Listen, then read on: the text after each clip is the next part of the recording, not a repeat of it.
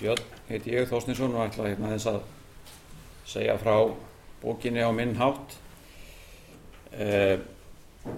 já, eins og við kannski vitum þá let Pál sig merkingarhugtækið varða alla tíð og spurningar um tilgang lífsins.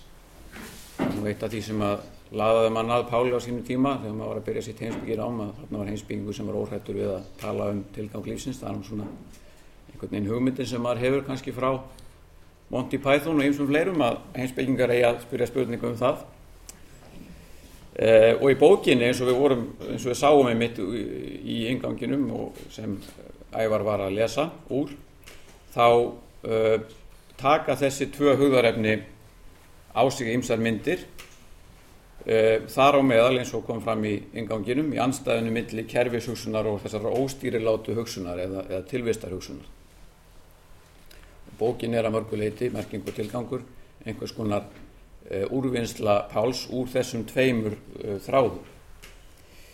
Nú, Pál lýsi því í formálanum að, að hér sé hún komin, bókin sem hann ætlaði sér alltaf að skrifa, hann varð lengi að, að víkja fyrir öðrum verkefnum og annars konar amstri. Uh, ég ætla svona að voga mér að halda fram þeirri tilgáttu að á árunum 2009-10 eða þar um byrj hafi Pál tekið einhvers konar ákverðun um að snúa sér af auknum krafti að þessum hugarefnum og sér í lagi kannski að merkingar hugtækinu og takast á við að móta það sem hann kallar merkingar hyggju. Uh, í erindi sínu á ráðstöfninu hugsað með Platóni í Háskóla Íslands uh, í desember 2012 held Pál erindi sem nefndist er heimsbyggin platónsk í eðli sínu og þetta erindi er til dæmis prentað í, í bókinni Hugsunin stjórnar heiminum. Tilgáta Páls í þessu erindi og í greininni var skýr. Platón kennir okkur að heimsbyggin sé mikilvæg af því að hún hjálpar okkur til að hugsa í því skyni að greina merkingu alls sem er, bæði einstakra hluta og veruleikans í heilsinni, í ljósi hins góða fagra og sanna sem býr handan reynslu hins okkar, þetta tilutnum í, í greinina og Pál gengur lengra og fullir þér að í, í þessum skilningi sé öll eiginlega heimsbyggi platónsk í eðli sínu þar að segja í þessari viðleitnis til þess að hjálpa okkur að hugsa og greina merkingu alls sem er. Og nú á þennan hátt með því að tala um eiginlega heimsbyggi þarna, eiginlega heimsbyggi sé platónsk, þá greinir Pál sérst á milli eiginlegar og óeiginlegar heimsbyggi, svona sannkallarar heimsbyggi og þeirra heimsbyggi sem ekki sé rétt nefnd heimsbyggi eða eins og hann orðaði reyndar mjög oft og yðurlega á þessu tímabili þá stendur valið þarna á milli heimsbyggi og and heimsbyggi ég man ég rætti þetta oft við Pál þetta hugta kannski um and heimsbyggi og vildi nú svona fá að vita hvað hann ætti við með því. Og hann, hann nefndi þó gætnan menn eins og Nietzsche og Wittgenstein en við getum tala um þetta á eftir. Uh, en þetta var hugtak sem hann hafi mikið ná á en ég held að það kom nú ekki víða fyrir í, í þessari bók um, nýju bókinni allavega verkefni hinnar eiginlegu heimsbyggi segir Páli í greininu um, um Platón er eða á að vera að leita að uppsprettu merkingar og tilgangs og ebla þannig skilning á veruleikanum sem ofinberar fólki hvernig það getur stuðlað að því að sönn gildi lífsins nái fram að ganga.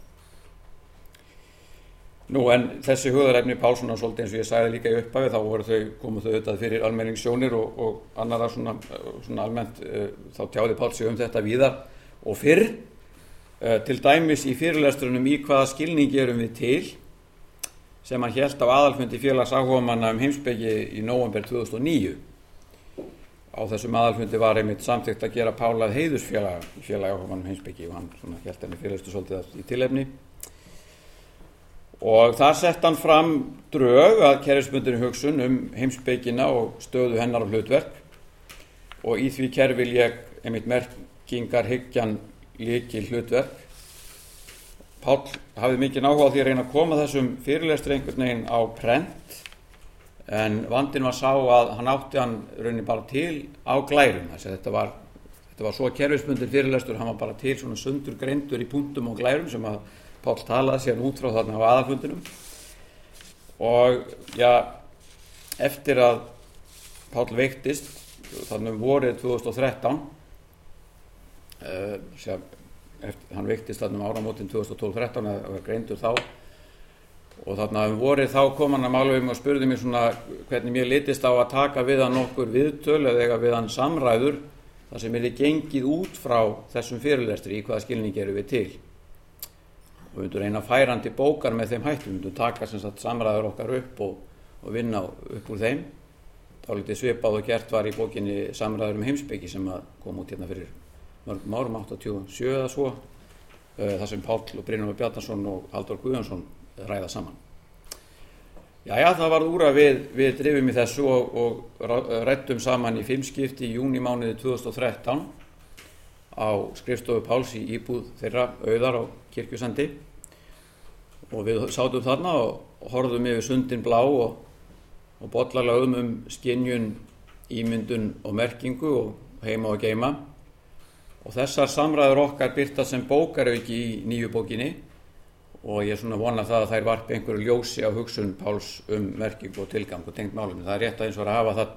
algjörlega á hreinu að, að samræðunar eru eldri en sá texti sem byrtist í bókinni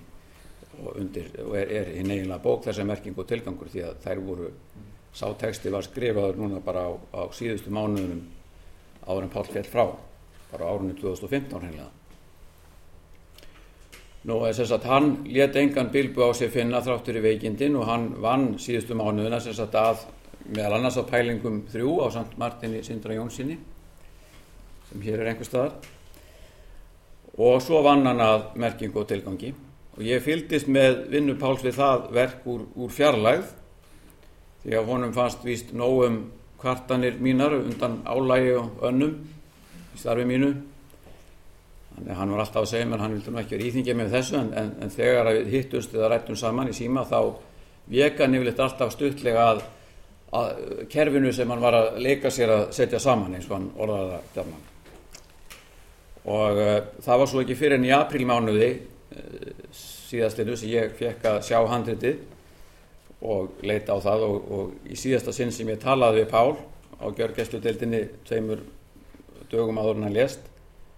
þá náði ég að segja honum álit mitt á verkinu að þetta væri meistaraverk, magnum opus og nú segi ég ykkur það. Takk.